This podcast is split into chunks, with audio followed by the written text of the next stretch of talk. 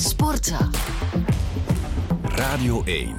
Je bent al wakker, want je was erbij gisteren. Dat was uh, spannend tot in het slot. Dat is dus eigenlijk waar voetbal voor bedoeld is, denk ik. Hè? Maar was het wel uh, verdiend voor Union?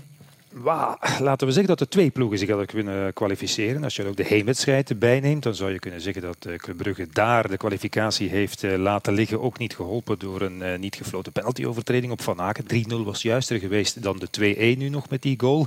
Maar gisteren was Union wat mij betreft wel de betere ploeg. Had de hele tijd balbezit. In de eerste helft zelfs 70% op een bepaald moment. Maar qua kansen had Club Brugge natuurlijk ook zijn momenten met mega-missers van Thiago vooral toch nog wel een keer. Dus het dat net eh, de andere kant kunnen uitdraaien. En dan in het slot, na de 1-0, voelde je wel, ja, het is onvermijdelijk. Le Brugge zakt toch weer in elkaar, trekt achteruit. Het volk ging erachter staan.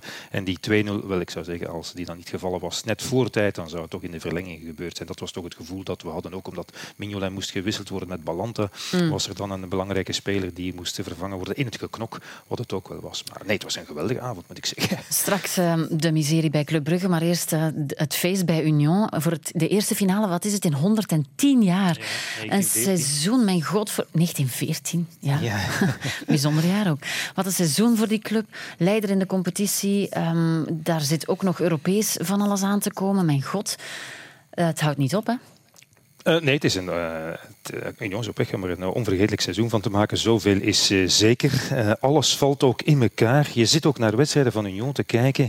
En wat ik zei met die gemiste kansen van Club Brugge, je hebt de indruk, ja, dat komt hier toch nog in orde ja. voor Union. Zo spelen ze ook. Ik was ook in Frankfurt voor die Europese wedstrijd, waar je toch tegen 55.000 mensen moet opboksen. een, een ploeg toch, topploeg, oké, okay, misschien niet in de beste vorm in de Bundesliga. Wel, Union bibbert op geen enkel moment. Ze hebben een soort overtuiging stralen een, soort onoverwinnelijkheid uit, enorme solidariteit, spelvreugde, fysieke paraatheid.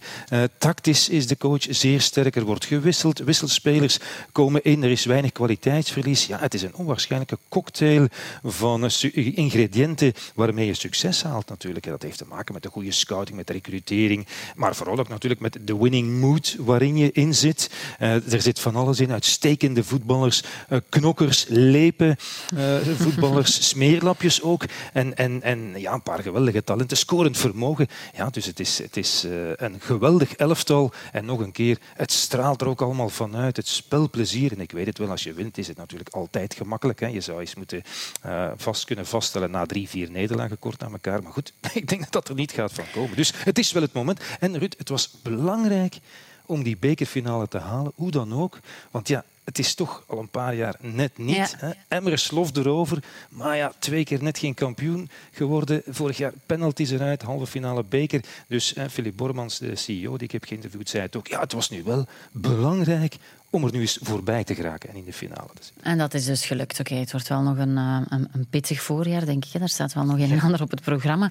Laten we dan naar de Maleize gaan bij Club Brugge. Twintig punten achter op leider Union. Die beker, dat was toch van Moetes, hè? Jazeker, en, en, en dat is onderstreept ook nog maar een keer door uh, de nieuwe CEO uh, Bob Madou die we interviewden op dinsdag. Hij zei iedereen is ervan doordrongen van het belang voor deze wedstrijd. Als je nu in de bekerfinale zit, ja, dan heb je toch een soort rust, heb je weer perspectief voor de spelers, voor de trainer, voor de club, voor de supporters. Finale op 8 of 9 mei, dan, uh, dan zit er wat druk van de ketel af. En nu heb je natuurlijk gewoon het omgekeerde. En nog eens, Club Brugge heeft zich gisteren niet gepresenteerd als een dood vogeltje of, of spelers die, die de trainer buiten wilden spelen om dat cliché nog maar eens boven te halen. Nee, er was zeker strijd.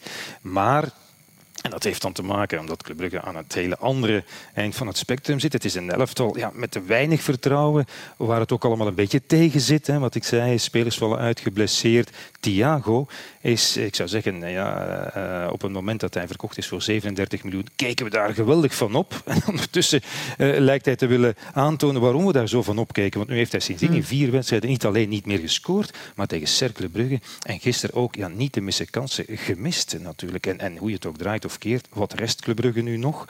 dat is uh, wat je zei, 20 punten achter kampioen, nee. Beker, nee. En de Conference League winnen, ja, dat moet dan toch miraculeus gebeuren. Ja. Als je dan ineens Europees de beste gaat zijn. En zo kan het zomaar zijn dat Club Brugge twee jaar na elkaar geen trofee zal halen. En dat voor de, de rijkste ploeg van het land. Mm -hmm. In principe met een van de allerbeste, zo niet de beste spelerskern samengesteld. En zo zijn ze toch aan dat seizoen begonnen. Om dat vermaledijde jaar van vorig jaar te vergeten. En pas op, Rut. Het kan nog altijd erger, hè? want zondag ga je naar Racing Genk. Ja. Als je daar verliest, ik maak er nu een doemscenario van, ik weet het wel. Als je daar verliest en Gent en Cercle Brugge winnen hun wedstrijd, dan sta je dus op twee speeldagen van het einde zevende. Stel je dat maar eens voor dat je ook nog eens uit de play-off 1 valt. Ja, dan is er niks meer over. Enfin, voorlopig wel nog een trainer. Uh, moet hij vrezen voor zijn positie? Dit was zijn reactie uh, gisteren na afloop. Yeah, we are very disappointed, you know, because we wanted to go to this cup final, and I think we were so close. Uh, but um, crisis is a big word, but uh, very, very disappointed. Zeer ontgoocheld. Crisis is een groot woord. Ik zou dat grote woord wel in de mond durven te nemen in ja, zijn plaats. Ik weet het. Ja, natuurlijk, natuurlijk is het crisis bij Club Brugge. Daar gaat niemand uh, omheen draaien natuurlijk. Dat is vervelend. Hè. Hij was op de persconferentie achteraf zeer geïrriteerd, geagiteerd. Ik kan er mij eens bij voorstellen. Hij krijgt al weken uh, dezelfde vragen. Maar af en toe maakt hij ongelukkige opmerkingen. Nu zei hij weer, ja, het is natuurlijk elke keer iets bij, dit, uh, bij Club Brugge met al die trainers daarvoor ook. Maar als je de lat zo hoog legt, ja, dan is het altijd slecht. Nee, de lat ligt daar waar Club Brugge ze door prestaties, doordat het de rijkste club is, zelf heeft gelegd de voorbije jaren. En we mogen toch zeggen, als je staat waar je nu staat, dit seizoen speelt en ook vorig jaar, dat je ver, ver beneden de norm zit. En Deila is gehaald om na vorig jaar weer aan te knopen met de successen en heeft al een paar keer een heel slechte beurt gemaakt. Maar goed, hij ligt wel nog altijd, laten we ons toch vertellen, goed bij de spelers. Dat is uh, belangrijk. Uh, hij, hij, heeft uh, nog altijd toont hij strijdvaardigheid, zal ik maar zeggen. Maar goed, af en toe moeten we toch eens kijken naar de verantwoordelijkheid van de trainer. Hoe komt het dat Club Brugge nu al voor de vijfde keer in het slot van de wedstrijd onderuit gaat? Een soort mentale broosheid toont. Mm -hmm. Ja, dat is ook de verantwoordelijkheid van de trainer natuurlijk. En tactisch zijn er al een paar keer vragen bij, bij gesteld. Alleen is de, is, is de vraag natuurlijk Vincent Mannaert, ja, die is duidelijk niet meer echt actief bij Club. Dat was het klankbord al die jaren voor de trainer. Iemand met voetbal-know-how, voetbalkennis. De vraag is, aan wie gaat Deila verantwoording afleggen? Wie gaat die be beslissing nemen de komende dagen of de komende weken? Ik zou zeggen, Bart Vragen is degene die de sleutel in handen heeft, maar die is op dit moment ziek. Dus even afwachten. Sportza.